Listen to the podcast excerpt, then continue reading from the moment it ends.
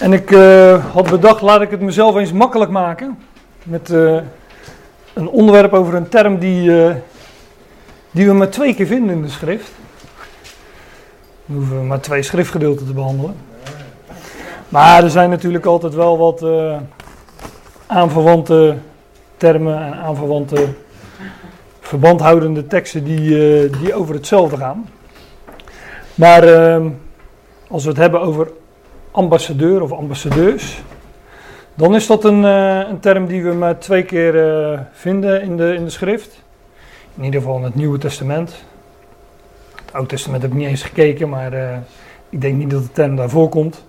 Um, we vinden die, die, die, die, die term ambassadeur, ambassadeurs vinden we vinden twee keer aan beide keren in de, in de brieven van, van Paulus. Maar laten we eerst eens kijken wat een ambassadeur is. Volgens uh, de woordenboeken, volgens uh, Van Dalen of in ons geval wilde ik eens kijken wat Wikipedia daarvan zegt. Een ambassadeur, of ambassadrice natuurlijk, want dat hoor je tegenwoordig bij te zeggen. of MV erachter natuurlijk, als je het over een ambassadeur hebt. Een ambassadeur of ambassadrice is een persoon die de regering van zijn of haar land vertegenwoordigt bij een ander land of bij een internationale organisatie, bijvoorbeeld de NAVO of de Verenigde Naties. Formeel vertegenwoordigt een ambassadeur dan het staatshoofd. Tegenwoordig kan een ambassadeur ook een vertegenwoordiger zijn van een organisatie of groep voor promotionele doeleinden dat is dus wat een, uh, wat een ambassadeur is, of zo ongeveer is. Er valt nogal uh, meer over te zeggen. Wij hadden het net van tevoren even over uh, Arjan en ik. Arjan die had wat oude correspondentie opgedoken en daar, daar had hij ook een keer gecorrespondeerd met iemand over, over dat begrip ambassadeur. Ja, daar valt dus nogal meer over te zeggen. Een ambassadeur die, die woont in een, in een uh, vreemd land, in een gastland, is daar te gast. Uh, heeft bijvoorbeeld ook geen kiesrecht, maar is wel onderworpen aan de wetten van, de, van het land. Nou, enzovoort.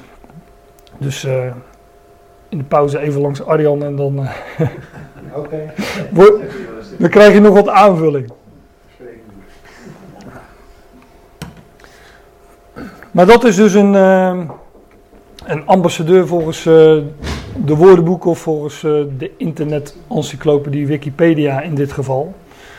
Maar ik heb ook de woordenboeken daar eens op nagekeken en die zeggen daar ongeveer wel, het, wel hetzelfde over. Nou, een van de twee schriftplaatsen waar we dit begrip tegenkomen is in, in Efeze. Efeze 6.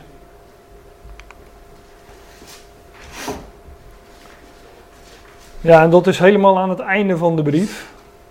Efeze, het hoofdstuk heeft, uh, het boek heeft, uh, de brief heeft zes hoofdstukken.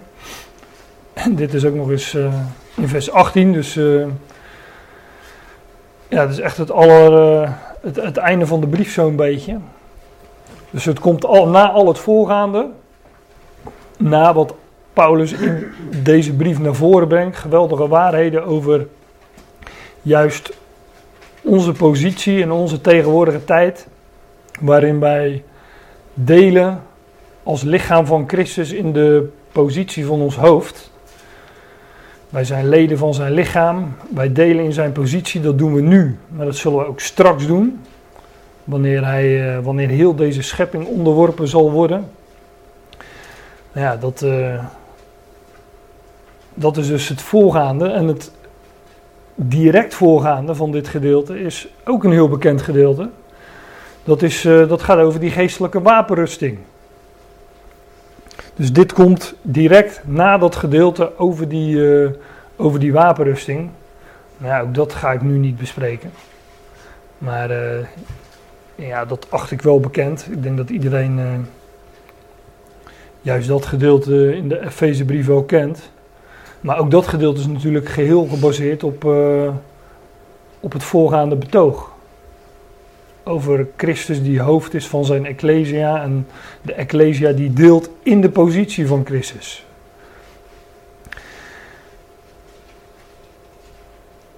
Nou, Paulus zegt daar, ik val er, ik, nogmaals, ik val er dus middenin, hè. En bid daarbij, dus bij het aantrekken van die geestelijke wapenrusting, daar gaat het over. En bid daarbij met elk gebed en smeekbeden bij elke gelegenheid in de geest.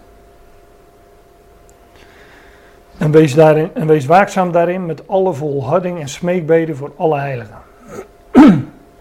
en Paulus bidt, Paulus vraagt om uh, gebed, hè, bid daarbij met elk gebed en smeekbeden bij elke gelegenheid. En, en uh, ja, gebed is natuurlijk een houding. Het is niet, kijk, wij nemen een houding aan als we gaan bidden. Hè, handen samen, ogen dicht. Je kent het wel. nu is dat sowieso al uh, vreemd aan, uh, aan de houding die, uh, die we in de schrift tegenkomen bij gebed. Maar gebed is een houding. Ja, ik heb er volgens mij wel eens vaker iets over gezegd, of in ieder geval over geschreven. Dat dat woord bidden in het Grieks is een. als je dat woord opdeelt in zijn, in zijn delen, dan staat er zoiets als naartoe, dus naartoe gericht zijn, of na, naar boven gericht zijn in ieder geval. Daar komt het op neer dat gebed een bepaalde gerichtheid is. Is niet uh, per se het uitspreken van bepaalde woorden, maar gericht, uh, gericht zijn op, gericht zijn op, op onze Heer in de hemel natuurlijk. Ook weer een, een houding van onderschikking. Ondergeschikt, wij weten dat je ondergeschikt bent aan aan je Heer en dat Hij degene is die voor je zorgt. Bid daarbij met elk gebed en smeekbeden bij elke gelegenheid in de geest. Paulus' gebeden gaan niet over het vlees, maar gaat over en in, in geest. Het gaat altijd, Paulus' gebeden, dat is een mooi onderwerp misschien om, daar, om het daar ook eens over te hebben, om de gebeden van Paulus uh, zo eens langs te gaan. Maar Paulus' gebeden gaan over geestelijke dingen. En over zicht krijgen op geestelijke dingen. Dat zijn gebed, dat, dat, onze, dat we verlichte ogen zouden krijgen van ons verstand en van ons hart. Dat we zouden zien wat we, wat we daadwerkelijk ontvangen hebben van Hem. En daar gaat deze brief met name over. Wat we in Hem ontvangen hebben. Ja, uh, Paulus bidt één keer voor, ze, voor, uh, voor het vlees en dat gaat over die doren in het vlees. Maar dan zegt hij ook dat uh, drie keer wel genoeg was drie keer heb ik de Heer daarom gebeden en toen, nou toen zei de Heer tegen hem, mijn genade, dus is ook geestelijk, mijn genade is jou genoeg Paulus. Dus toen had hij zijn lesje wel geleerd. Wees daarin, wees waakzaam daarin met alle volharding en smeekbeden voor alle heiligen, ook voor mij. Paulus vraagt dus ook om gebed voor, voor zichzelf. En ook hier gaat het weer om, uh, uh, ja, om geestelijke dingen, om het woord. Hè, dat zegt hij hier ook. Ook voor mij, hij vraagt om gebed voor zichzelf aan die Efeziërs. Opdat aan mij een woord gegeven zal worden bij het openen van mijn mond. Staat letterlijk uh, opdat aan mij woord gegeven zal worden. Dus dat zal maar de vraag is dan een woord of het woord. Ik zou zelf denk ik vertalen met, uh, met het woord, opdat aan mij het woord gegeven zal worden bij het openen van mijn mond. Namelijk om in vrijmoedigheid het geheim van het goede bericht bekend te maken.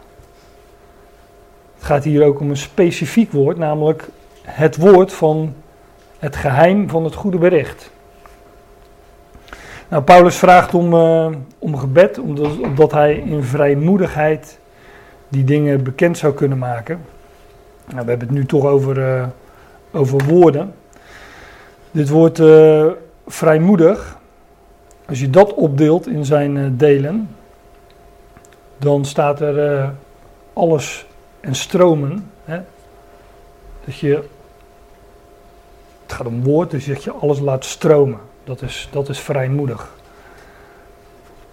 Openlijk de dingen spreken die, uh, die je wil of moet spreken. wij hebben het ook over uh, openhartig. Met een open hart, dat wat in het hart zit, leeft. Dat je dat, je dat in alle vrijmoedigheid spreekt. Onbevangen en vrij. en uh, ook dit zegt hij natuurlijk in verband met uh, uh, de wapenrusting waar hij het zojuist over heeft. Want die wapenrusting die zouden wij aantrekken omdat het tegenstand is. Vurige pijlen van de boze heeft hij het over. Paulus vraagt om gebed om uh, ja, in de situaties waarin hij zat en waarin hij kwam, de situaties waarin hij kwam, daar vrijmoedig in te, te kunnen en uh, te mogen spreken. Alles laten stromen, dus zonder beperking. Om in vrijmoedigheid het geheim van het goede bericht bekend te maken. ja, het geheim. Statenvertaling heeft hier uh, de verborgenheid. Ik kan nooit zo goed kiezen tussen die woorden. Ik vind ze allebei mooi. Ge geheim betekent dat iets uh, bij een uh, klein gezelschap, een select gezelschap uh, bekend is. Dat, dat betekent dat als iets geheim is. Voor mij, de MBG heeft geheimenis. Het, het Griekse woord is. Mysterieus. Mysterion. Ja, en dat heeft natuurlijk met een mysterie te maken. Nou ben ik, niet zo, ben ik weer niet zo'n voorstander van het woord mysterie, want dat krijgen we allerlei zweverige associaties of voor mij hm, duister, ja, duister. Ja. Dat is het nou, nou juist weer niet. Het is juist een boodschap van licht. um, maar dat zie je hier ook. Het, dat wordt dus opgebouwd uit de componenten dicht doen en bewaren. Dus dat is, het is geheim, het is verborgen. Maar dat het verborgen is, dat betekent weer wel dat het na te gaan is. iets wat verborgen is, ja, daar moet je naar zoeken. Dat ligt niet aan de oppervlakte, want er ligt iets overheen. Dat, want, want het is namelijk geheim, het is niet voor iedereen bestemd. Dus ik, uh, ik kan nooit zo, zo, goed kiezen tussen het woord geheim of uh, verborgen. Geheimenis of verborgenheid. Dus we houden ze beide maar in. Maar hij, hij vraagt om gebed opdat hem het woord gegeven zal worden bij het openen van zijn mond. dat hij in vrijmoedigheid dat woord mag spreken, maar dat gaat om een specifiek woord. Dus ik zou liever zeggen niet een woord, maar het woord. Namelijk het woord van het geheim, de verborgenheid van het evangelie, van het goede bericht. Het geheim van het evangelie, daar bidt Paulus om dat hij de vrijmoedigheid mag hebben en uh, dat hij bij het openen van zijn woord dat, die, die verborgenheid, dat geheim van het evangelie, van het goede bericht bekend uh, mag maken. Nou, hier zegt Paulus niet rechtstreeks wat het, uh, wat het inhoudt. Hij zegt, dat wel, hij zegt er wel dingen over, ook in het voorgaande. In het voorgaande noemt hij uh, dat evangelie het goede bericht van de vrede. De voeten te schoeien met de gereedheid. Statenvertaling en vertaling hebben bereidheid.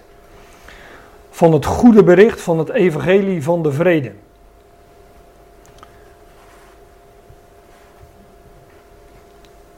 Gereedheid is. Uh, ja, dat je, je, staat er, eh, je, je bent er klaar voor. Hè? Het heeft met klaar, klaar, klaarstaan om dat goede bericht uh, van de vrede bekend te maken. Gereedheid. En zoals Peter zegt, wees altijd bereid om verantwoording af te leggen van de hoop die in u is. Nou, die, uh, die gereedheid, die bereidheid is het, maar het gaat hier over het evangelie. Paulus noemt dat het evangelie, het goede bericht van de vrede. Dus dat, uh, dat, dat evangelie waarover hij spreekt, nou, dit is vers, vers 19. En, we hebben, en, dit is het voorgaande uit die wapenrusting, vers 16. 15, 15. Is dat vers 15? Ja. Nou, dat is een drukfout. Ja. Ja, dat is vers 15, ja. Maar ik zie al hoe het komt dat ik dat verkeerd gedaan heb, want dat uh, vers 15 staat direct boven vers 16. Dus. Oh ja. Dus, uh, Ja, nee, dat is helder. Ja. dus daar, heb ik, daar zal de vergissing zitten. staat een koffievlek op. En volgens mij meneer leest dit. Ja, als de rest maar klopt. Ja. ja, als de rest maar klopt inderdaad. Nou, mocht ik daar nog erg in hebben en mijn geheugen me niet in de steek laten, want mijn ogen laten me blijkbaar wel in de steek, dan eh, zal ik dat nog aanpassen voor ik het op internet zet. Ehm, het evangelie van de vrede, de, de, ja, de verborgenheid van het evangelie, daar bidt Paulus om, om dat eh, bekend te maken, om in vrijmoedigheid het geheim, de verborgenheid van het goede bericht van het evangelie bekend te maken. Het geheim van het evangelie is dus, hij ligt hier een tipje van de sluier op, in andere brieven spreekt hij over, in Colossense 1, is dat, dat, dat hij vrede maakt, dat God vrede maakt door het bloed van het kruis. Het evangelie van de vrede, het goede bericht van de vrede is dat God vrede maakt door het bloed van het kruis. Colossense 1 vers 20. Vind je dat? Maar hier geeft hij niet zo heel erg direct antwoord op wat, uh, wat, wat dat geheim is. Het geheim van het evangelie, wat dat nu precies inhoudt. Maar we gaan gewoon verder. Um, daarvoor doen we bijbelstudie, we vergelijken de, de, de schriftplaatsen met elkaar. Maar hij zegt nog meer. Hij zegt om in vrijmoedigheid het geheim van het goede bericht bekend te maken. Waarvoor ik een ambassadeur ben. Kijk, daar hebben we die term. Paulus was dus een ambassadeur van het evangelie van de vrede of van, het, van de verborgenheid van het evangelie. Daar was hij ambassadeur van. Nou, we zagen net al wat een, uh, een ambassadeur is. Andere vertalingen, ik zal eens even, even kijken wat de Statenvertaling heeft. Gezant, ja, dat heeft volgens mij de MBG ook.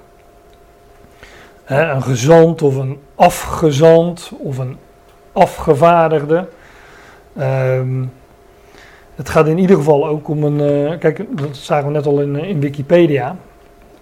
Iemand die een, met een bepaalde volmacht ergens te gast is, hè, uh, hij, of die met een bepaalde volmacht zijn regering, of zijn staatshoofd vertegenwoordigt in een gastland. Dat is een, dat is een ambassadeur. Paulus was ook gevolmachtigd door God zelf. Hij was, dat betekent het woord apostel ook, een afgevaardigde. Paulus, uh, Paulus was gevolmachtigd, afgevaardigd door Christus Jezus zelf, zegt hij, ja, met, een, met een boodschap. Het evangelie van de vrede. Dat God vrede maakt door het bloed van het kruis. Maar bijvoorbeeld ook, hij zegt uh, in 1 Timotheus 4, vers 10, waar, waar, waar, hij zegt dat de levende God de redder is van alle mensen. Dan zegt hij ook niet van, nou ja, weet je, dat is een boodschap, uh, ja, daar kan je anders over denken. En nee, hij zegt beveel en leer dit. Want Paulus was voor die boodschap was hij gevolmachtigd en afgevaardigd. En ja, nu heb ik natuurlijk al een beetje verklapt wat het geheim inhoudt van het goede bericht. Maar dat die verborgenheid van het evangelie, het geheim van het goede bericht, daarvan was hij ambassadeur. En voor die boodschap was hij gevolmachtigd. Die volmacht had hij om die boodschap te verkondigen in, een, uh, in, een weer, in, in, in, deze wereld. Maar hij was uh, ambassadeur van die boodschap. Dus Paulus was. Ik zal even net in Wikipedia, even kijken of dat niet te ver terug is. Kijk, Paulus was een, uh, um, een ambassadeur, alleen niet van het staatshoofd. Maar we zouden een streep door het staats kunnen zetten en hoofd met een hoofdletter kunnen zetten. Hij was vertegenwoordiger, een ambassadeur van het hoofd, namelijk van Christus Jezus zelf zegt hij ook. Hij zegt, uh, in, daar gaan we straks naartoe in uh, 2 Korinthe 5, ambassadeur van Christus. Paulus was gevolmachtigd door Christus Jezus zelf. Hij vertegenwoordigde het hoofd als ambassadeur.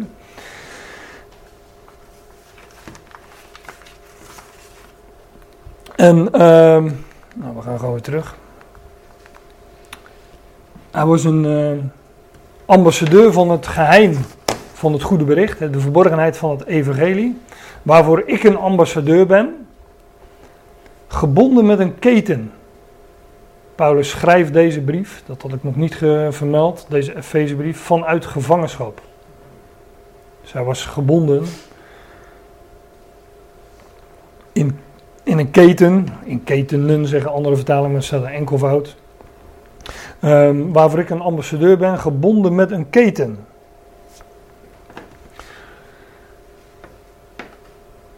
Nu is het zo dat een. Kijk, ehm, wij, eh, wij, wij kennen dat begrip ambassadeur ook nog steeds. Hè? We hebben een ambassadeur in, eh, nou, noem het maar. Ik weet niet welk. eh, het Koninkrijk der Nederlanden, in, eh, in welk land wij allemaal ambassadeurs hebben, maar dat zullen er best nogal wat zijn. Ehm, maar dat zijn dan vertegenwoordigers van. Van de koning zal het wel eh, officieel zijn, maar in ieder geval van het Koninkrijk der Nederlanden, die zich bevinden in een gastland en daar het Koninkrijk der Nederlanden vertegenwoordigen. Nou, Paulus was een ambassadeur van het Koninkrijk van Christus, die als ambassadeur van Christus dat Koninkrijk van Christus in deze wereld vertegenwoordigde. Maar Paulus zegt hier, ik ben een ambassadeur in een keten. Dus hij was gevangen genomen als ambassadeur. Nou, in onze maatschappij, in onze wereld, is dat een eh, regelrechte daad van vijandschap. Want dat kan absoluut niet dat een ambassadeur van een, gast, van een ander land gevangen wordt genomen. Dat is een. eh, dat zou. eh, hm? Onschendbaarheid. Ja, die hebben onschendbaarheid. Dat, eh, dat zei Wikipedia ook. Ambassades, consula, consulaten en hun aanhorigheden, wat het ook wezen mag, genieten een diplomatieke of consulaire onschendbaarheid. Dus het gevangen zetten van zo'n ambassadeur is eigenlijk een, eh, een, een, illegale daad. En zou, eh, zou in veel gevallen zelfs een oorlogsverklaring inhouden. Want het, het mag niet, het kan niet, het mag niet, het hoort niet. Het is een absolute. Recht. Ja, het is onder, onrecht is het. Ja. Volgens het internationale, internationale recht kan en mag dit niet. Dus, wanneer, dat zegt Wikipedia ook, wanneer relaties tussen landen verslechteren. Nou, als je een eh, ambassadeur gevangen zet, dan, zou je hier wel van kunnen spreken. Maar wanneer relaties tussen landen verslechteren, of een land iets heeft gedaan dat in de ogen van een ander land onverkwikkelijk is, zoals het gevangen nemen van een ambassadeur, kan dat andere land zijn ambassadeur terugroepen. Dat is wat eh, lastig, denk ik, als die in een keten zit. maar daar zou dan wat diplomatieke macht voor aangewend worden, waarschijnlijk. Maar wanneer relaties tussen landen verslechteren of een land iets gedaan heeft dat in de ogen van een ander land onrecht is, wat niet kan, ja, wat onverkwikkelijk is, dan, zou, dan kan dat andere land zijn ambassadeur terugroepen en van deze handeling gaat een sterke symboliek van afkeuring uit. Dit, zie je, dit hoor je natuurlijk ook wel eens op het journaal, dat, dat landen hun uh, uh, ambassades sluiten in bepaalde landen of een ambassadeur terugroepen, nou, enzovoort. Dus eigenlijk is dit, wanneer Paulus als ambassadeur in een keten zit, als Paulus als ambassadeur gevangen is, is dat ook eigenlijk wat God volgens interna internationaal recht zou doen. Zijn ambassadeur terugroepen. Weghalen daar uit die, uh, uit die wereld. En Paulus zat gevangen in Rome. De hoofdstad van het wereldrijk van dat moment. De vertegenwoordiging van de wereld, van het, uh, van het wereldrijk van dat moment. Dus Paulus was een, uh, een ambassadeur in een keten. En hij zat uh, gevangen in de hoofdstad van het, van het koninkrijk van de wereld op dat moment. God zou dus, volgens internationaal recht, die ambassadeur terug moeten roepen.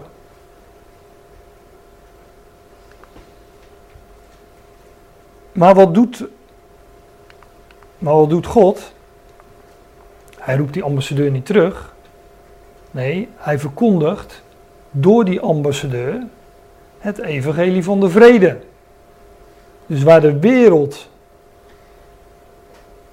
die ambassadeur gevangen neemt, die ambassadeur vastzet in een keten, wat eigenlijk een, uh, een, een onrechtmatige daad is, een, een oorlogsverklaring. Daar verkondigt deze ambassadeur geen oorlog, maar deze ambassadeur verkondigt vrede. Het evangelie van de vrede. En dat, dat deed hij zelfs in die, in die juist, nee juist zou ik, ik moet zeggen, dat deed hij juist in die keten. Want het is juist in deze gevangenschap dat Paulus uh, bijvoorbeeld deze Efezebrief schrijft. En de Colossensebrief. Ik zei net al, in Colossense 1 vers 20, ik heb het vers niet eens afgedrukt. Daar staat dat God vrede maakt door het bloed van het kruis. En ook dat is een boodschap die Paulus verkondigt in een keten, in gevangenschap. Nou, Paulus zegt uh, om, in vrijmoedigheid, uh, om in vrijmoedigheid het geheim van het goede bericht bekend te maken, waarvoor ik een ambassadeur ben, gebonden met een keten, om daarin vrijmoedig te zijn zoals ik moet spreken. Ik heb die letterlijke vertaling zo laten staan, gebonden in een keten is dat wel, uh, is dat wel een leuke woordspeling. Zoals het mij bindend is te spreken. Hij kon niet anders, want dat was zijn opdracht, dat was, daarin was hij gevolmachtigd. Daarin was hij ambassadeur. Hij kon niet anders dan die boodschap te spreken, het evangelie van de vrede.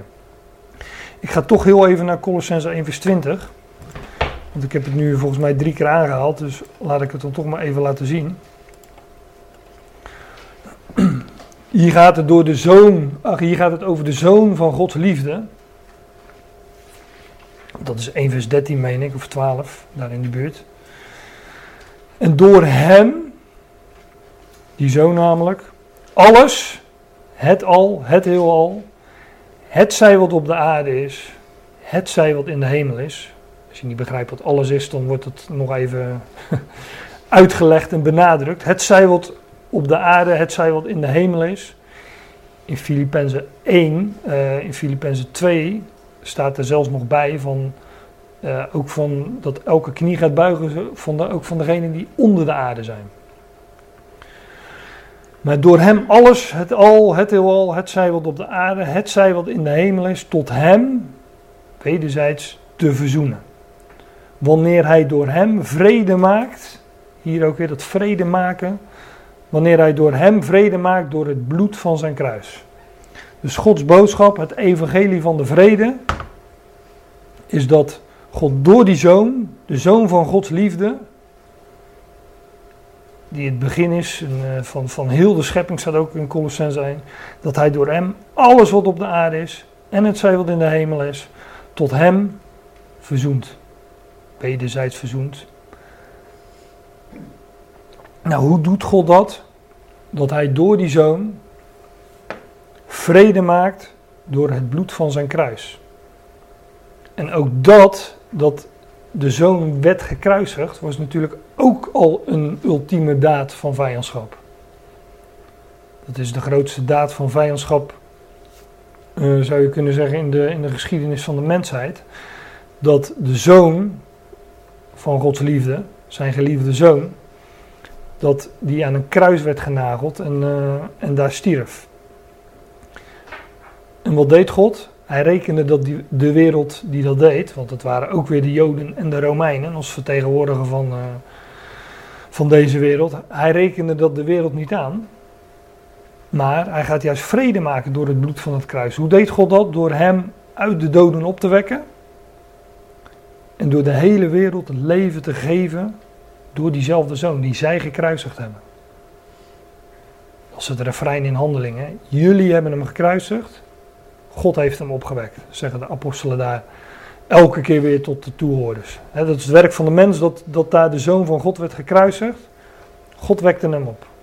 En God gaat door die zoon, die stierf, maar die hij opwekte uit de dood, de hele wereld het leven geven. Nou, dat is de ultieme daad van Gods liefde. En dat doet hij door de zoon van zijn liefde. En door vrede te maken door het bloed van zijn kruis. Want wanneer je dat beseft, ja, dan, dan blijf je niet meer vijand- vijandig tegen zo'n, eh, tegenover zo'n, eh, zo'n daad van liefde staan, tegenover God staan. Nou, snel weer terug naar eh Efeze 6. Paulus bidt om vrijmoedigheid eh, voor die boodschap, het geheim van het goede bericht waarvoor hij een ambassadeur is. In een keten weliswaar. Om in vrijmoedigheid het geheim, het goede bericht, het geheim, de verborgenheid van het evangelie, het goede bericht bekend te maken, waarvoor ik een ambassadeur ben, gebonden met of in een keten. Ja, en die, eh, die ambassadeur die spreekt dus vrijmoedig in een keten. Terwijl hij gebonden is, spreekt hij vrijmoedig van een God die, eh, die vijandschap beantwoordt met, met het maken van vrede. Het evangelie van de vrede. Paulus was dus een ambassadeur voor het geheim, de verborgenheid van het evangelie. Nu ga ik naar die andere schriftplaats, waar die term ambassadeur ook voorkomt. Dat is 2 Korinthe 5.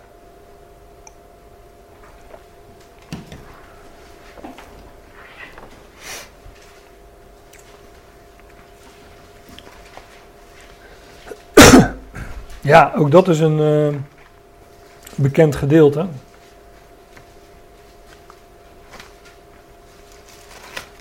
Waar ik ook eh, natuurlijk midden in een gedeelte val. Dat is altijd een beetje het van eh, het behandelen van een term of een thema. Dat als je die schriftplaatsen afgaat, dat je ja, altijd een beetje, een beetje voorbij moet gaan aan, eh, aan context. Je kunt moeilijk eh, het hele, de hele context van de tweede Korinthebrief eerst even neerzetten en van al het voorgaande.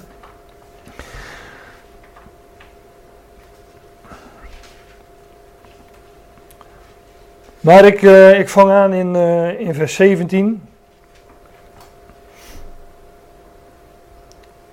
Zo dan, zodat, indien iemand in Christus is, dan is hij een nieuwe schepping. Het oude ging voorbij, zie, het nieuwe is gekomen. Nou, we hadden het net over, eh, in, tenminste daar, dat, daar sprak Paulus van in, in Efeze 6, over het geheim van het evangelie. Ehm, Paulus, spreekt ook in, eh, Paulus spreekt ook in de Efezebrief over de verborgenheid van de Christus, of het geheim van de Christus.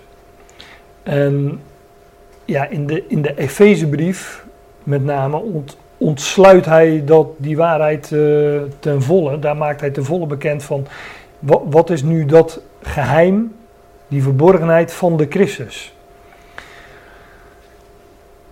Maar er zijn ook eh, een aantal schriftplaatsen te noemen waarin hij al. eh, ehm, waarin, waarin hij al dat, die dingen ook bekend maakt, zoals hier. Hè? In, wij zijn namelijk in Christus. Zodat indien iemand in Christus is, die is een nieuwe schepping. Nu al. Maar wij zijn dus in Christus, hè, eh, bijvoorbeeld Romeinen 6, waar, waar Paulus zegt: wij zijn dan met hem we zijn met hem gestorven, begraven en met hem opgewekt. Wij delen in zijn dood, begrafenis en opstanding.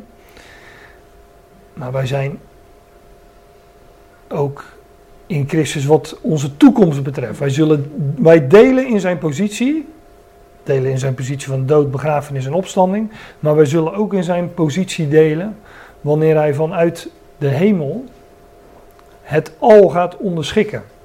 Nou, dat is het geheim van de Christus. Dat wij delen in die positie van de Christus.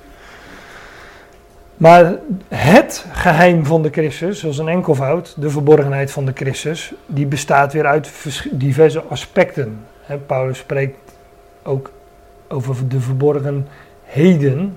Hij maakt diverse verborgenheden, eh, diverse geheimenissen bekend. Maar al die geheimenissen, al die verborgenheden zijn, weer, zijn een onderdeel van die ene waarheid, van het geheim van de Christus, dat wij delen in de positie van Christus. Nou, hier zegt hij, eh, indien iemand in Christus is, die is een nieuwe schepping. Het oude ging voorbij, dat ligt achter ons. Zie, het nieuwe is gekomen. En dit alles is uit God. Ja, daar uh, komt geen mensenhand aan te pas. Dat is inderdaad allemaal uit God. Letterlijk staat er, uh, staat er nog iets zeggen. Dit alles is uit de God. Degene die alles beschikt. Het is geen mensenwerk, er komt geen mensenhand aan te pas. Het is allemaal Gods werk. Dit alles is uit God, die door Christus ons tot zichzelf verzoent.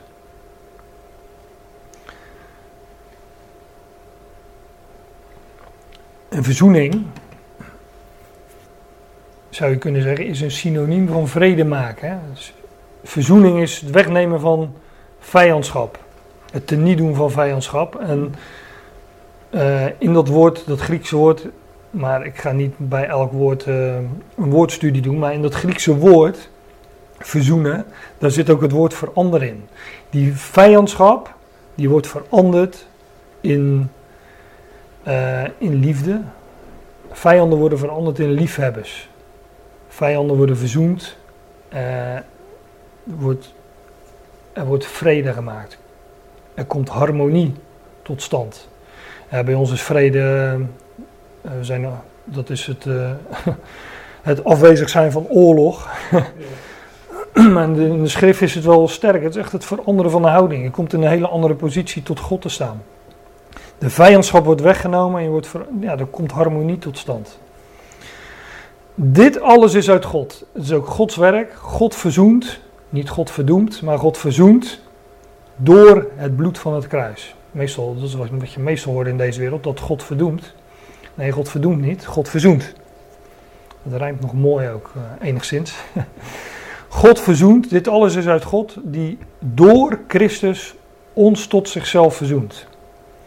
Het is ook de mens die verzoend wordt. Hè? Het is passief. Dit staat overigens ook haaks op theologie, hè? op de klassieke theologie, dat God verzoend moest worden door Christus. Ik weet niet of jullie een beetje op de hoogte zijn van die uh, theologie. Ik, uh... Ja, jij bedoelt God was boos, dachten ze? God was boos.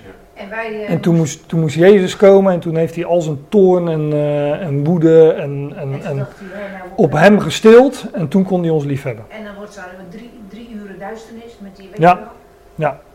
Ja, daar hangt een hele theologie aan vast. Ja.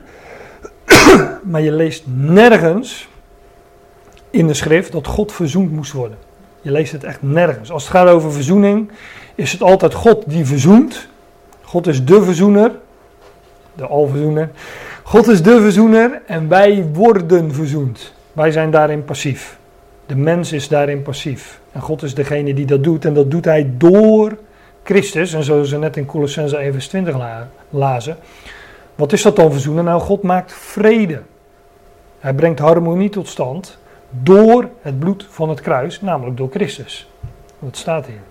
En dan komt... juist zien dat hij niet boos is. Hij laat juist zien dat hij niet boos is, inderdaad. Hij, hij laat juist zien, ook al kruisigen jullie mijn zoon, de ultieme daad van vijandschap van deze wereld. Al kruisigen jullie mijn zoon, al slaan jullie mijn zoon aan het kruis. Ik ga jullie juist door die ultieme daad van vijandschap, ga ik jullie het leven geven. En redden.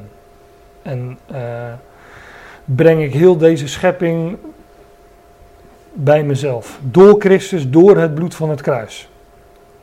Nou, dit alles is uit, uit God, die door Christus ons tot zichzelf verzoent. En ons de bediening van de verzoening geeft. Bediening, dat kennen we alleen nog in de horeca volgens mij, maar nou, in de katholieke is het zo vlak voordat iemand overlijdt. Mijn vader was vroeger... Dan krijg je de sacramenten bediend of zo. Is dat, ja, dat ook bedienen? Als je katholiek was, moest je bediend worden. Oké. Okay. Maar hij heeft nog jaren geleden. Ja, dan moet je ook bediend worden, maar dat is, dat is niet alleen als je katholiek bent. Ja, daarom weet ik het. Maar God, God verzoent ons door Christus tot zichzelf. En hij geeft ons de bediening, de dienst van de verzoening. Wij mogen de verzoening bedienen, zo zou je het ook kunnen zeggen. Wij, zouden wij mogen de verzoening opdienen. Nou, hoezo dan? Van wat, wat, wat, wat houdt dat dan in? Nou, dat zegt hij in het volgende vers. Wat is dat, die dienst van de verzoening? Wat is die bediening? Wat is die verzoening die wij mogen bedienen?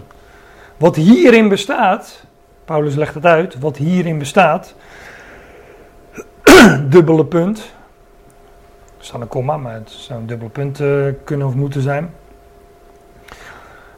Hoe dat God in Christus de wereld tot zichzelf verzoenend was.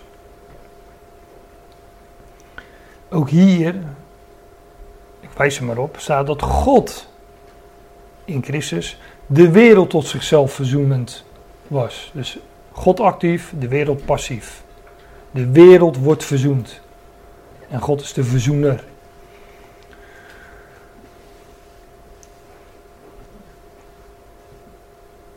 dus er staat de wereld, hoe dat God in Christus de wereld tot zichzelf verzoenend was. Hé, hey, fijn, we hebben een extra luisteraar. Mooi plekje Jens, hè? Zo vanuit de hoogte, vanuit, uh, vanuit de bovenzaal. vanuit een hoge positie. Bovenaan de trap. ja. Um, gelijk van apropos door jou, uh, vriend. Um, hoe God in Christus de wereld tot zichzelf, tot zichzelf verzoenend was. Dus niet zichzelf tot de wereld, nee, de wereld tot zichzelf. Ook hier staat dat weer zo. Hoe dat God in Christus de wereld tot zichzelf verzoenend was en hen hun misstappen niet toerekent. Hoe verzoent God deze wereld? Nou, hij rekent hun, hen de misstappen niet toe.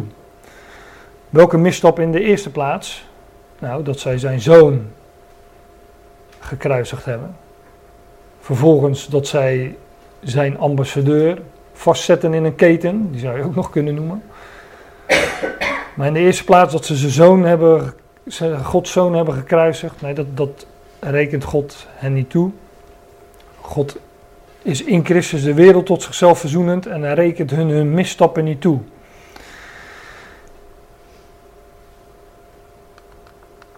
Dat is de bediening van de verzoening. Wat is de bediening van de verzoening die wij ontvangen hebben? God heeft ons de bediening van de verzoening gegeven. Nou, dat God in Christus de wereld tot zichzelf verzoenend was. En hun misstappen hun niet toerekent. God, wat is die bediening van de verzoening? Nou, dat God in Christus de wereld met zich verzoent.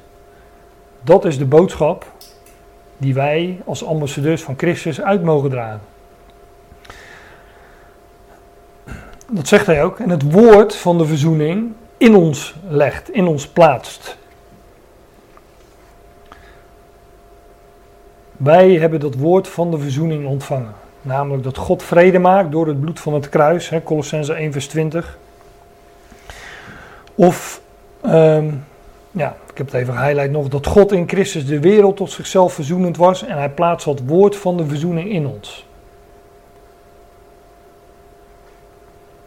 Nou, wat is dat woord van de verzoening? Waar zijn wij dan ambassadeurs van?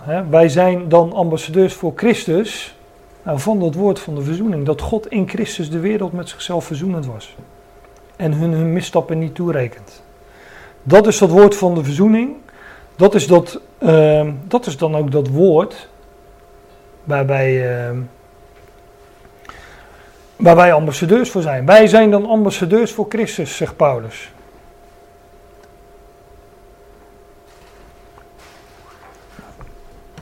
Van die boodschap, God verzoent deze wereld met zichzelf. Van die boodschap zijn wij dus uh, ambassadeurs en was ook Paulus een ambassadeur. Wij zijn dan ambassadeurs voor Christus. En wat had Paulus in Efeze 6 gezegd? Dat hem in, om in vrijmoedigheid het geheim, de verborgenheid van het evangelie, van het goede bericht, bekend te maken waarvoor ik een ambassadeur ben.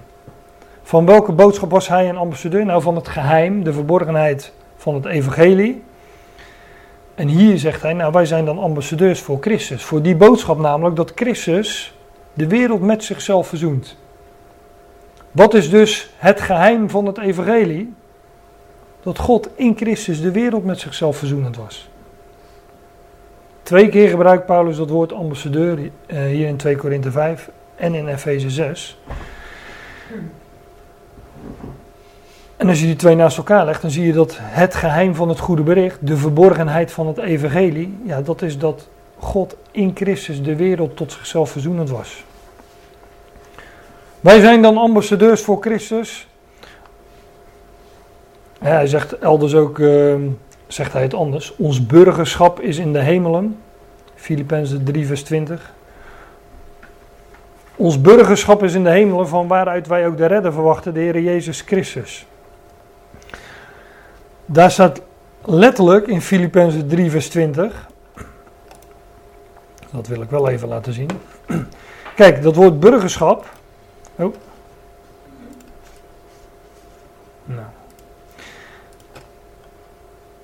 Het Griekse woord is polytuima.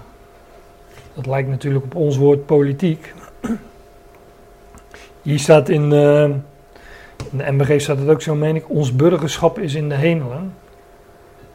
Um, de Statenvertaling heeft onze wandel is in de hemelen. Het heeft alles met onze positie te maken. Onze polytuima, onze politiek, is in de hemelen.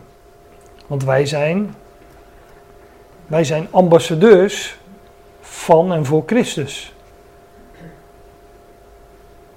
Als we het dan over politiek hebben, dan, uh, dan is ons burgerschap daar. Dan zijn wij onderdanen van een koninkrijk in de hemelen. He, wij zijn overgezet, hoe staat het in op Colossens 1, uit de duisternis, in ieder geval in het koninkrijk van de zoon van zijn liefde. In dat koninkrijk zijn wij overgezet en dat wij in deze wereld zijn, ja, dat mag dan zo zijn, maar wij zijn ambassadeurs. Dus wij horen bij dat hemelse koninkrijk, bij het koninkrijk van de zoon van zijn liefde. En wij zijn gezet in deze wereld als ambassadeurs, maar wel met een uh, boodschap, namelijk het evangelie van de vrede. Wij zijn, dat, dat, hè, dat, is de, dat is het woord van de verzoening. Hoe stond het er? Dat is het woord van de verzoening dat God in ons plaatst, namelijk dat God in Christus de wereld met zichzelf verzoenend is, was. God verzoent de wereld met zichzelf door Christus, namelijk hij maakt vrede door het bloed van het kruis. En wij zijn ambassadeurs van het koninkrijk met die boodschap. Beveel en leer dit, zegt Paulus in uh, nogmaals 1 Timotheüs 4 vers 10. En onze polytuima, ons burgerschap, onze wandel, onze positie is in de hemel. En voor zover wij in deze wereld zijn, dan zijn we dat als ambassadeurs. Wij zijn dan ambassadeurs voor Christus van het geheim van de verborgenheid van het evangelie dat God vrede maakt door het bloed van het kruis en dat God in Christus de wereld tot zichzelf verzoenend was. Daar zijn wij ambassadeurs van, alsof God door middel van ons oproept, in naam van Christus smeken wij jullie. Word verzoend met God. Dat is de boodschap aan deze wereld. Word verzoend met God. God hoeft niet verzoend te worden. God is geen vijand van deze wereld. God heeft deze wereld lief. Al zo lief heeft God deze wereld. Hè? Dat hij zijn enige geboren zoon gegeven heeft. Ja, inderdaad. En God staat niet vijandig tegenover deze wereld. Deze wereld staat over het algemeen vijandig tegenover God. En de oproep aan die wereld is: het woord van de verzoening. Word verzoend met God. God hoeft niet verzoend te worden. Nee, de oproep aan de wereld is: word verzoend met God. Wees verzoend met God, word verzoend met God. Staat uh, in andere vertalingen: laat u met God verzoenen. Nee, word verzoend met God. Ga daar, leef daaruit. God heeft zijn zoon gegeven, de wereld kruisigde zijn zoon. God gaat door die zoon de wereld het leven geven. en dat is het woord van de verzoening dat wij uit mogen dragen als ambassadeurs. En de oproep aan de wereld, aan, ja, aan iedereen die het maar horen wil. Dat zijn er niet veel, maar is word verzoend met God, leef daaruit. Dat is het woord van de verzoening en dat is het woord waarvan wij uh, ambassadeurs zijn. God is niet vijandig, wees dus ook niet vijandig. Dat is de, de, de oproep. Nou, wat uh, zou dan onze houding zijn naar bijvoorbeeld de overheden in deze wereld? Want we, daar leven wij wel, wel degelijk onder of tussen, of hoe je het ook wil noemen. Want wij zijn gezanten, wij zijn ambassadeurs die met onze ambassade in dat gastland zijn geplaatst. Nou, wat zou onze houding daarvoor uh, voor zijn? Daar gaan we na de koffie uh, eens even over nadenken. Eerst dan gaan we naar de koffie. Wij, ja, wij gaan weer verder. en ehm, nou, de twee schriftplaatsen waar, waar Paulus dat begrip noemt, hè, ambassadeur, ambassadeurs voor Christus. Die twee schriftplaatsen, Efeze 6 en 2 Korinthe 5 hebben we gehad. Um, maar je zou je dan kunnen afvragen, als wij dan onderdanen zijn, om het zo te zeggen, of ambassadeurs van een ander koninkrijk. Wat zou dan onze houding zijn ten opzichte van de overheden die wij uh, kennen in deze wereld? Uh, zoals daar is het kabinet Rutte. toch? Dat hebben we toch een kabinet Rutte. Uh, Eén of twee of drie inmiddels al. Derde. Of paars of groen of... Uh, daar, uh, daar valt uh, ook wel wat over te zeggen. Um, en dat doet Paulus ook. En dat doet hij in, met name in Romeinen, Romeinen 13. Maar ja, Romeinen 13 is het dertiende hoofdstuk van de Romeinenbrief. En ik, ja. Soms zeg ik best zinnige dingen. Ja. Die zijn makkelijk te checken ook. En, zijn deze dingen al zo? Ja. uh... maar als wij dan burgers zijn van een ander koninkrijk, welke houding past ons dan naar, uh, naar koningen en, en andere hoogwaardigheidsbekleders in, in dit land of deze wereld? als wij ambassadeurs zijn, wat zou dan onze houding zijn? Nou, ik vang even aan in Romeinen 12 voor het verband. De Romeinenbrief, de eerste elf hoofdstukken zou je kunnen zeggen, die zijn uh, leerstellig. En uh, hoe men dat dan vaak indeelt, is vanaf Romeinen 12 begint het praktische gedeelte. Dan zegt Paulus van, ik bid u dan broeders, door de ontferming gods. Dat doet hij in verband met het voorgaande van wat hij uiteen heeft gezet. Ik bid u dan dat, dat jullie jullie lichamen stellen tot een levend, heilig, gode welbehagelijk offer. Dus dat wij ons zouden onderschikken aan, uh, aan God. En ons leven, dat zegt hij daar eigenlijk, in zijn dienst zouden stellen. Als ambassadeurs van, van Christus hè, en het woord der verzoening uitdragen. Um, ja, als ik dan... Uh, Romeinen 1 tot 11 moet samenvatten, doet Paulus dat ook voor in eh, Romeinen 11 vers 36. Uit hem, door hem en tot hem zijn alle dingen. Als je dat dan weet, wat zou dan onze houding zijn ten opzichte van, van God? Nou, dat we onze lichamen stellen tot een levend, heilig, want hij heiligt het. Een levend, heilig en gode welbehagelijk offer. Van, ja, hier ben ik Heer, uh, doe, doe met mijn leven wat u wilt.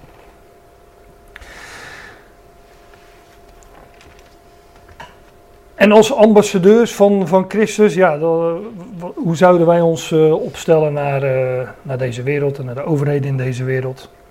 Nou, zoals gezegd, ik vang dus even aan in Romeinen 12, vers, uh, vers 17 is dit. Vergeld niemand kwaad met kwaad. Houd het goede in beeld van alle mensen.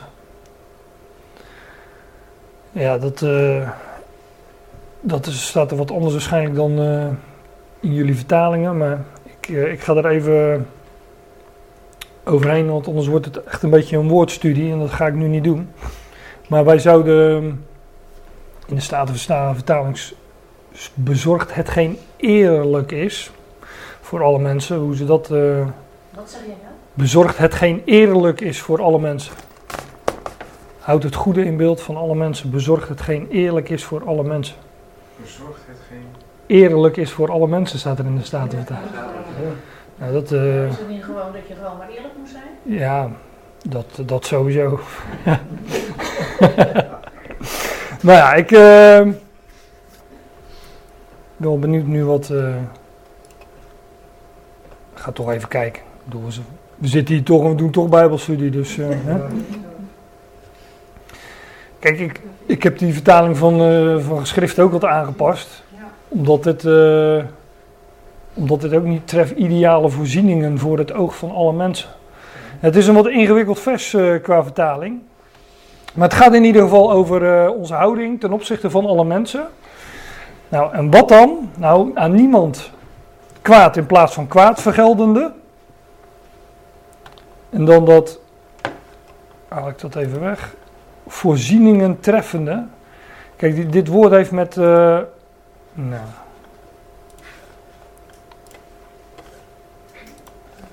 Ik doe het even zo. Dit woord heeft met. Uh, daar staat hij voor plus denken te maken. Dus. Um, ja, voor uitdenken.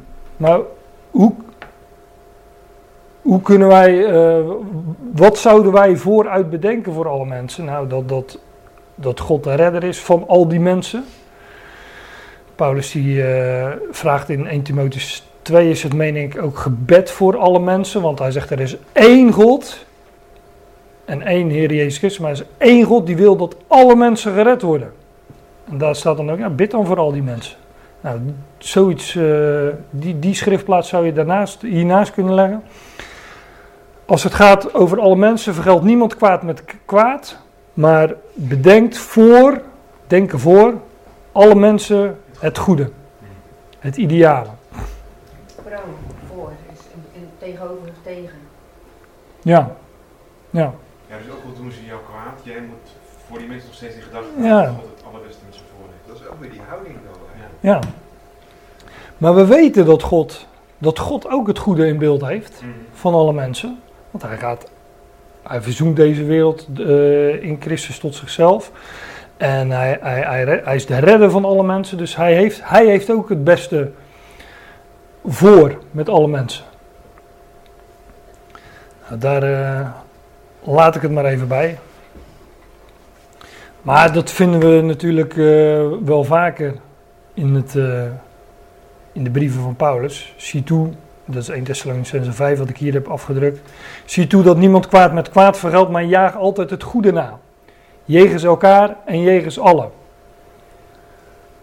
Elders zegt hij van, um, um, doet aan iedereen goed, bovenal aan de huisgenoten van het geloof. Maar er staat wel, doet goed aan allen. Doet goed aan allen. Vergeld niemand kwaad met kwaad, maar houdt het goede in beeld. Houdt het goede in het oog. Bedenkt het goede voor alle mensen.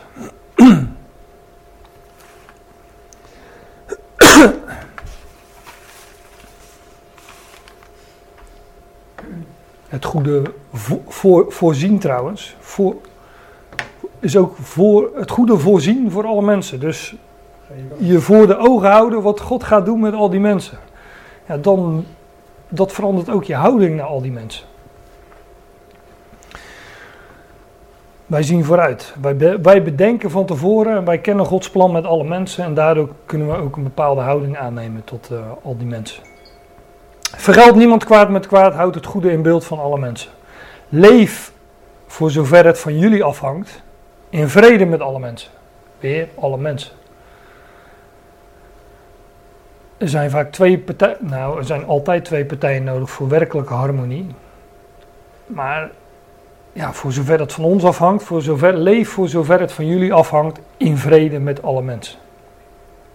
It takes two to tango, maar hè, bedoel, ja, als iemand. Uh, je, onze houding kan zijn vrede met alle mensen. Wij kunnen ons uh, schikken in elke situatie.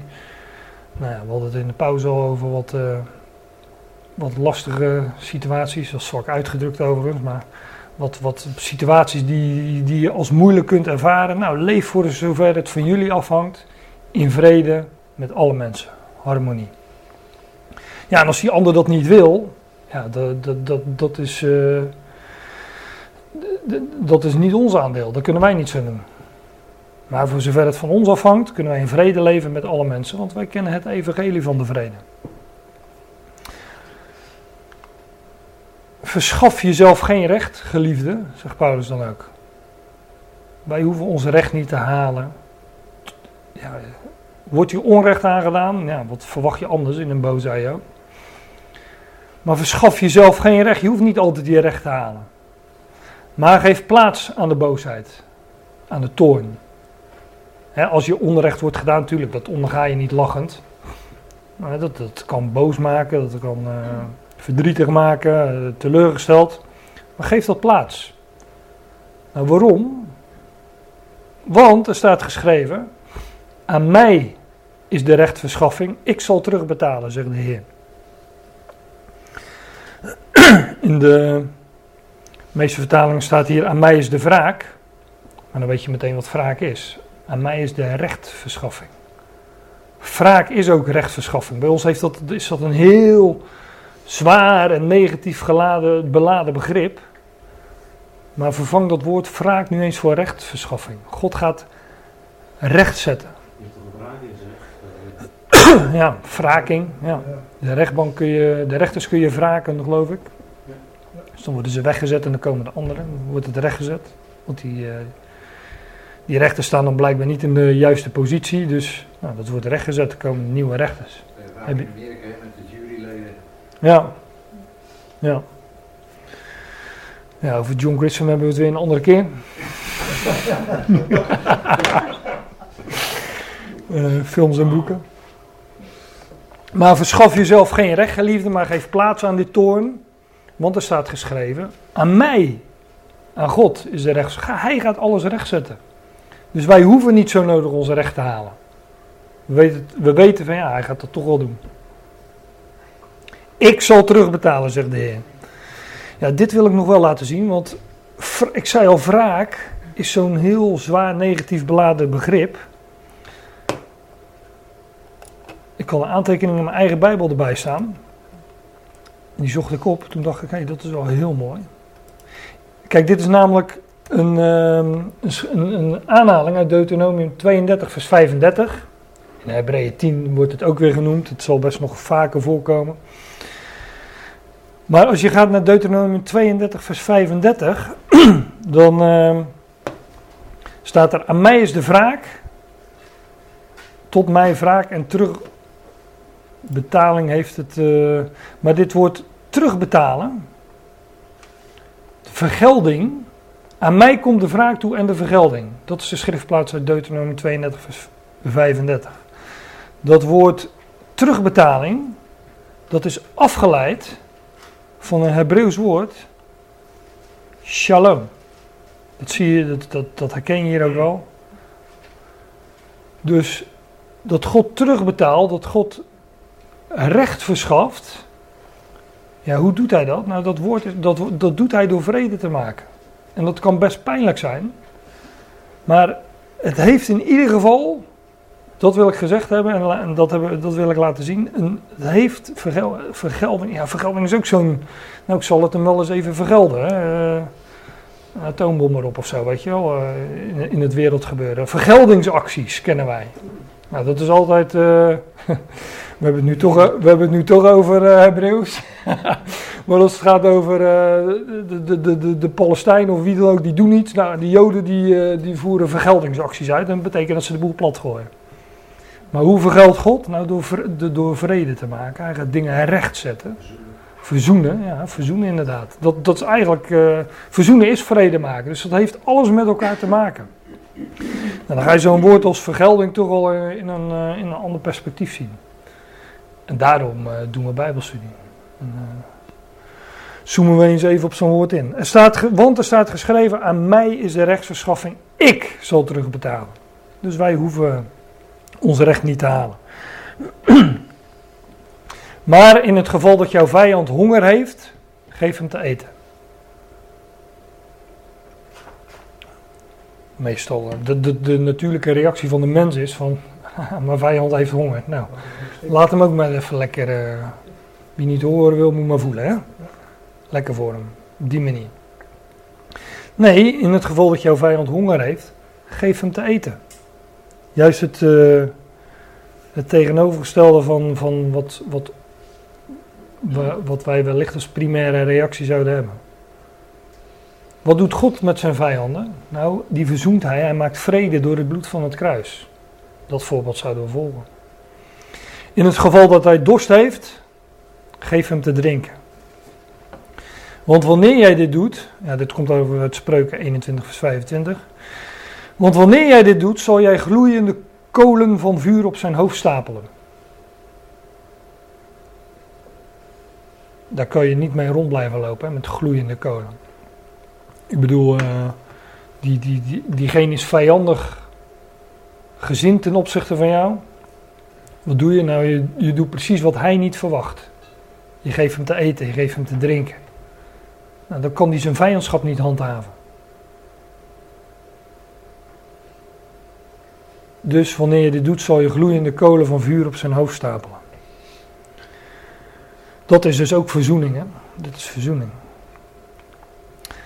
Laat je niet overwinnen door het kwade, maar overwin het kwade met het goede.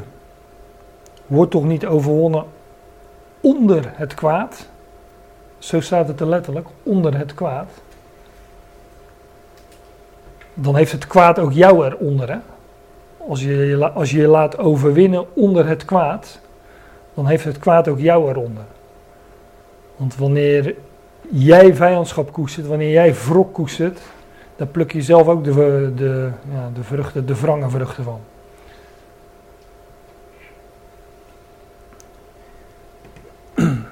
Meestal heeft diegene waar tegen je wraak of wrok koestert minder last van dan dat je er zelf last van hebt. Dat is het probleem met die dingen. Het vreet aan jezelf, zeggen we dan. Laat je niet overwinnen onder het kwaad. Maar overwin het kwade.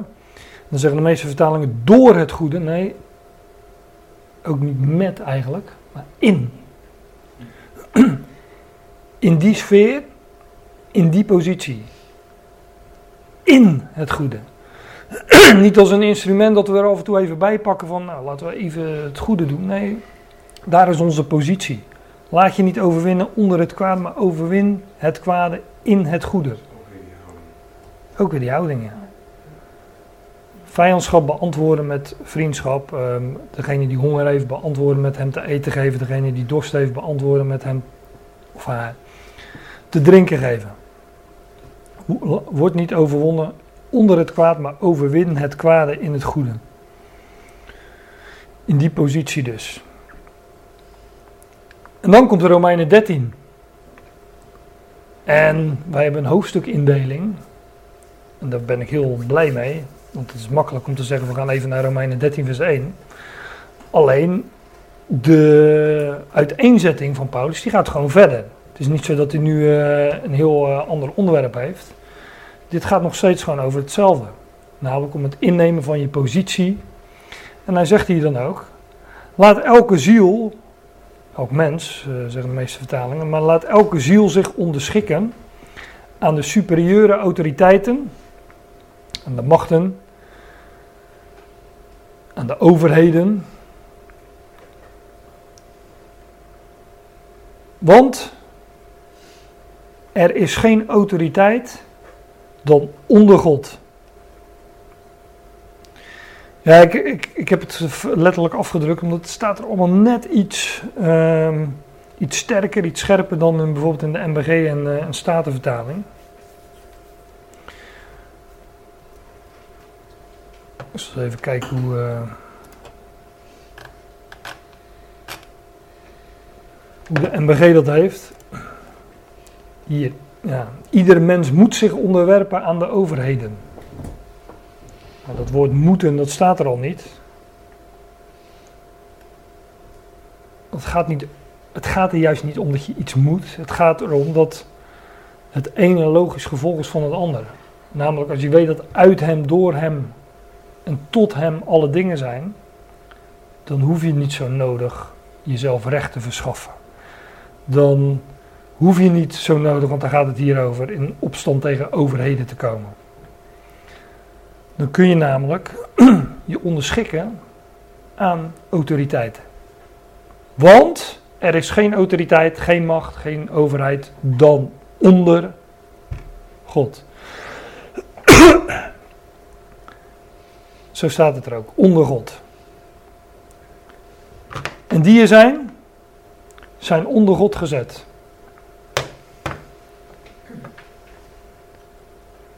Kijk, wij leven, um,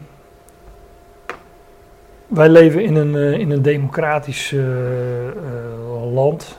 En democratie is ongeveer het hoogste goed in, in deze wereld. En um, ik ben ook bijzonder dankbaar dat we in een land als Nederland leven waar we zomaar bij elkaar kunnen komen rondom het woord van God. Er zijn natuurlijk landen um, genoeg waar dat niet zo is, of waar het in ieder geval uh, meer beperkt wordt, of nou ja, noem het maar op. En, uh, er zijn zeker tijden geweest waar dat, uh, um, waar dat meer algemeen goed was dan. en nu, nu is het, nu, wij leven in een vrij land en we hebben de vrijheid om dat te doen en daar ben ik ontzettend dankbaar voor. Het heeft ook met, met, met onderschikken te maken, hè? dat ze vaak gevaar vormen voor de gevestigde orde. Ja, ongetwijfeld, ja. Ja. Maar wij leven wel een beetje met het idee van ja, wij kiezen onze overheid. En die overheid is verantwoording aan ons schuldig. En dat vind je in de schrift dus niet terug. Macht is, uh, hoe noemen we dat? Uh, bottom down. Top down. Maar laat elke ziel zich onderschikken aan de autoriteit, want er is geen autoriteit dan onder God.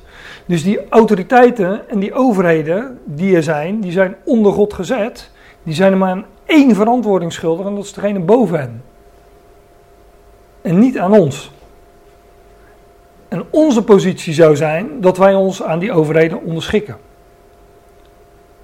Want er is geen autoriteit dan onder God. En die er zijn, zijn onder God gesteld.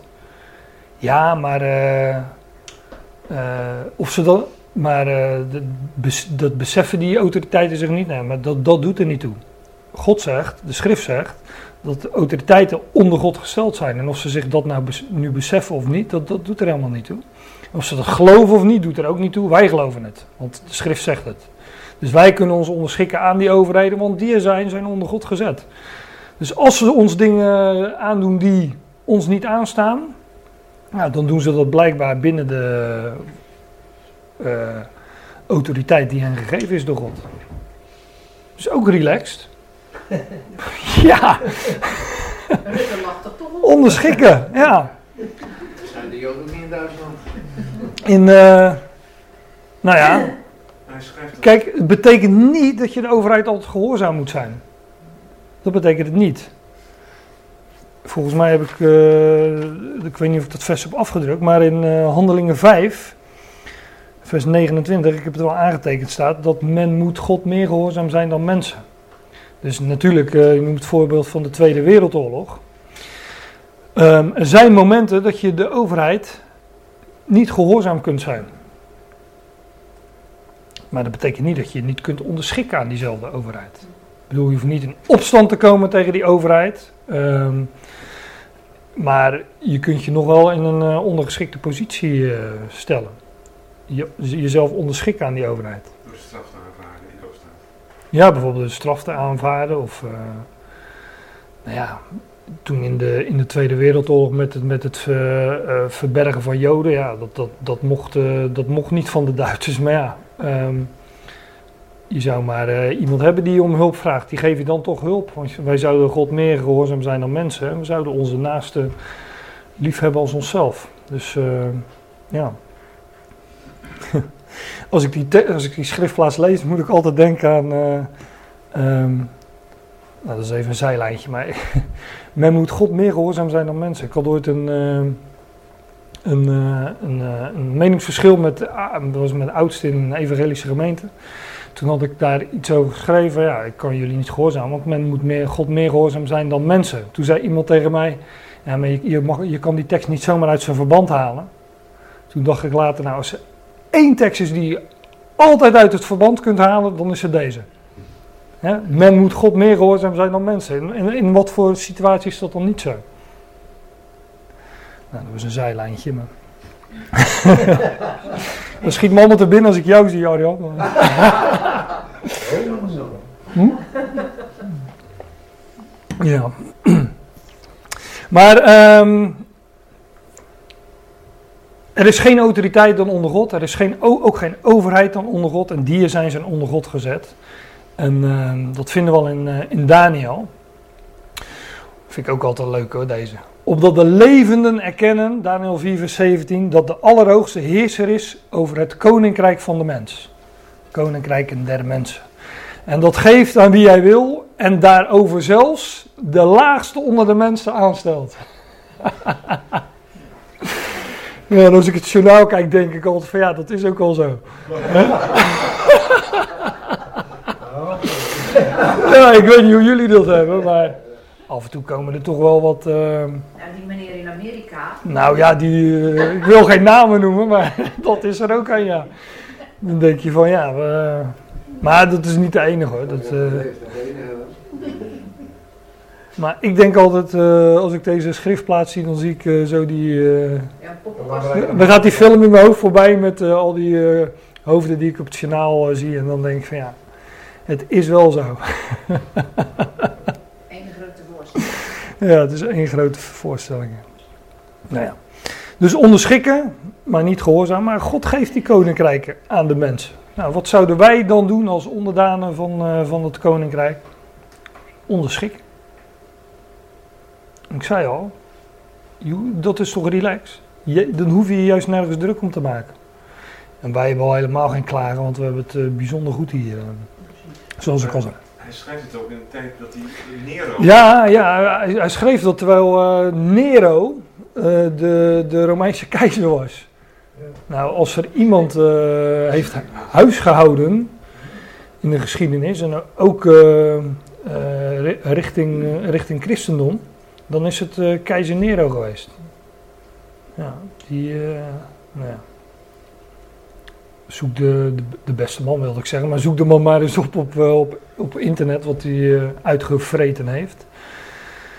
Maar dat, ja, onder dat bewind zegt Paulus dus deze woorden: er is geen autoriteit dan onder God. En die zijn, zijn onder God gezet. Ja, het is Paulus.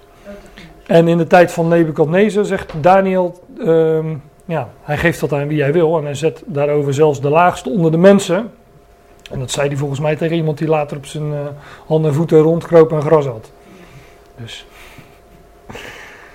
Wie zich dus tegen een autoriteit verzet, heeft Gods mandaat weerstaan.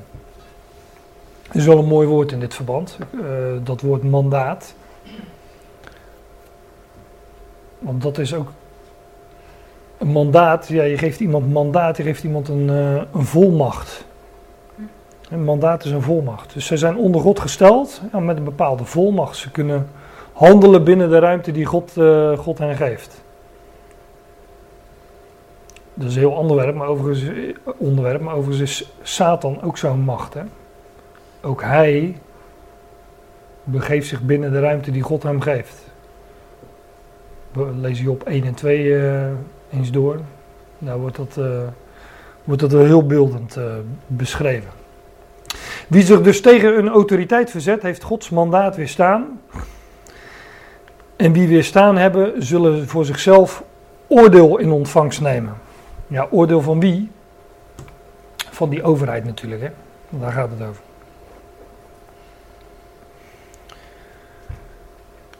Want bestuurders zijn niet tot vrees voor het goede werk, maar voor het kwade. En het goede werk is je onderschikken aan die overheid. En het kwade is wanneer je je niet onderschikt. Voor wie zich onderschikt is er geen vrees, want ja, die heeft niets te vrezen van die overheid. Over het algemeen. Bestuurders zijn niet tot vrees voor het goede werk, namelijk voor degene die zich onderschikt, maar voor het kwade. En wil jij niet vrezen voor de autoriteit? Doe het goede namelijk onderschik je en jij zal lof van haar hebben. Het goede is onderschikken, het kwade is verzet. Want zij is Gods bediende, jou ten goede.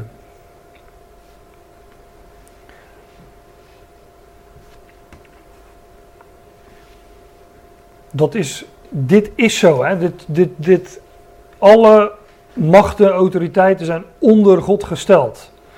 Dit is zo, ook al vinden zij zelf van niet. Ook al, ja, ik zeggen, wij kunnen dat niet zeggen dat wij vinden van niet, maar ook al vindt iedereen van niet. Het is zo. God heeft dat zo gesteld. God plaatst dat zo. Zij is Gods bediende. Dat is gewoon een waarheid. Zij is Gods bediende, zo moet ik het zeggen. Jou ten goede. Alle overheden, alle autoriteiten staan onder God.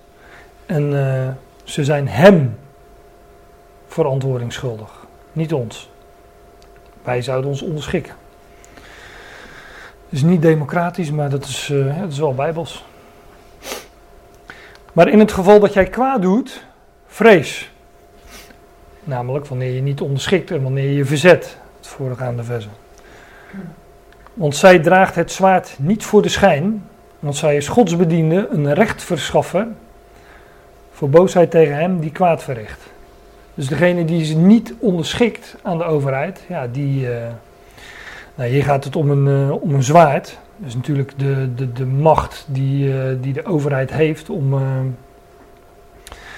ja, hoe zeg ik dat? Om onderdanen de wil op te leggen. Vroeger gebeurde dat met het zwaard, tegenwoordig worden we meer in onze portemonnee getroffen. Als we te hard rijden of zo. Of andere dingen doen. Wie niet horen wil, moet maar voelen. Dat is het uh, eigenlijk. Zij draagt het zwaard niet voor de schijn. Want zij is godsbediende en zij, uh, zij is onder God gesteld. En uh, God heeft overheden geplaatst. En overheden zijn rechtverschaffers. Tegen degene die zich verzet, die zich niet onderschikt. Ze vergelden kwaad met kwaad. Ze vergelden kwaad met kwaad, ja. maar wij zouden dat niet doen. Wij zouden het niet onder het kwaad overwonnen worden, maar het kwade in het goede overwinnen. Namelijk in, uh, in onderschikking. Kwaad doen is dus hier in dit verband niet onderschikken. Daarom is, daarom is het noodzaak zich te onderschikken, niet alleen vanwege de boosheid, maar ook vanwege het geweten. Nou, dit is dus wat, wat, wat Paulus ook zegt tegen ons als ambassadeurs van Christus, die in dat gastland geplaatst zijn onderschik je. Zouden, want al die overheden waar, uh, waaronder wij leven, die zijn onder God gesteld. En uh, onze houding zou onderschikking zijn. Want wij weten namelijk dat boven al die overheden er een God is, die alles in zijn hand heeft en die alles beschikt. Dus uh, ja, ik zei net, wie jullie niet horen wil, moet maar voelen. Maar in dit geval is het wie het laatst lag, lacht het best. dus... Want daarom, oh ja, dat is ook een leuke, daarom heb ik het er nog even bij afgedrukt. Want daarom voldoen jullie ook belastingen. Want zij zijn dienstverrichters van God. Die juist op dit punt volharden. Ja, ja.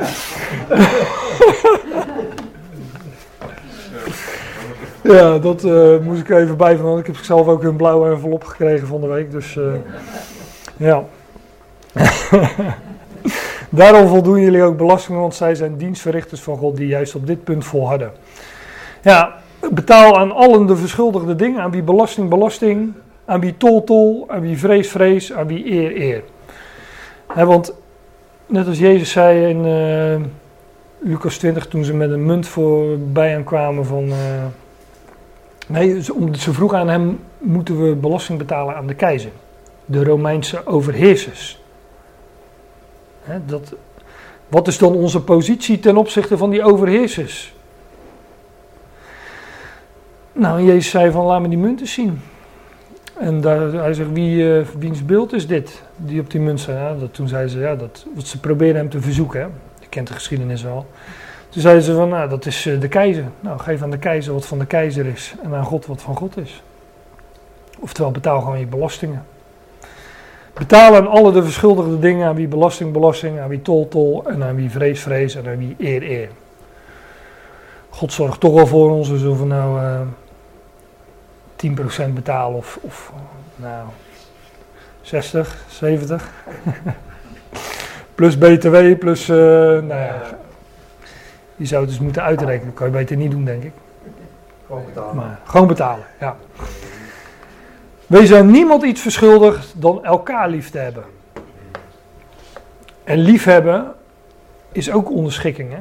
Je onderschik je aan de ander door de ander te dienen. Liefhebben, ja. Ik vind het moeilijk tot liefhebben. Ik accepteren vind ik makkelijker. Ja, dat is ook een vorm van liefhebben, toch? Ja, denk ik wel. Dat is ook onderschikking. Iemand, ja, dat is ook al, ja, accepteren is zeker onderschikking. Met een hoop dingen is het zo, als je er nou zelf vrede mee hebt, dat een ander je belaagt en weet ik wel, Ja. dan ben je er toch al. Dan moet, moet diegene die dat doet maar, maar uitzoeken wat hij En Wat, wat, wat Paul zegt, accepteren is ook een vorm van onderschikking. Want primair zou je reactie zijn, verzet, nee, ik accepteer het. Mhm. Als jij dan zo bent, of dat het doet, of wat dan ook, wat de omstandigheden zijn, ik, ik accepteer het. Ja, dat het ook. Dat is een negatieve... Dat is wat, eh, wat jij toen uitlag in het woord vergeven, daar zit ook het laten. Ja, En, en, en, en eh, dan weet je met dingen geen raad en dan word je iets aangedaan. Je denkt, nou ik snap het niet hoor, ik zou ze het liefst in elkaar slaan. Dat ken ik niet meer. Maar, eh, maar als je het gewoon laat en accepteert en denkt, god zoek het maar ja. die weten Ja. het, dan heb je er zelf toch best vrede mee. Ja. Nou, dat kan een vorm van liefhebben zijn. liefhebben, kijk, wij, wij leven natuurlijk in een... eh, in, in, eh, Tegen mensen Eh, lief zijn. Ja, lief zijn en lief zijn voor elkaar. En eh, liefde wordt, dat wordt, wordt, eh, vaak in verband gebracht met gevoel. Maar liefhebben is eh, elkaar dienen. Dat is in de eerste plaats liefhebben. Dat is een, eh, is een houding. Het is iets anders dan lief vinden. Ja, dat is wat anders dan lief vinden. Je hoeft iemand niet lief te vinden om hem lief te hebben. En dat, dat bedoel ik eigenlijk. Ja. Wie de ander lief heeft, heeft de wet vervuld. Want, ik moet stoppen geloof ik. Want eh, de wet eh, zegt, gij zult eh, uw naaste lief hebben als uzelf. En ook dat is overigens een, een belofte. Nou, ik denk dat het goed is om het hierbij te laten voor vandaag. Dus dat doen we dan ook maar.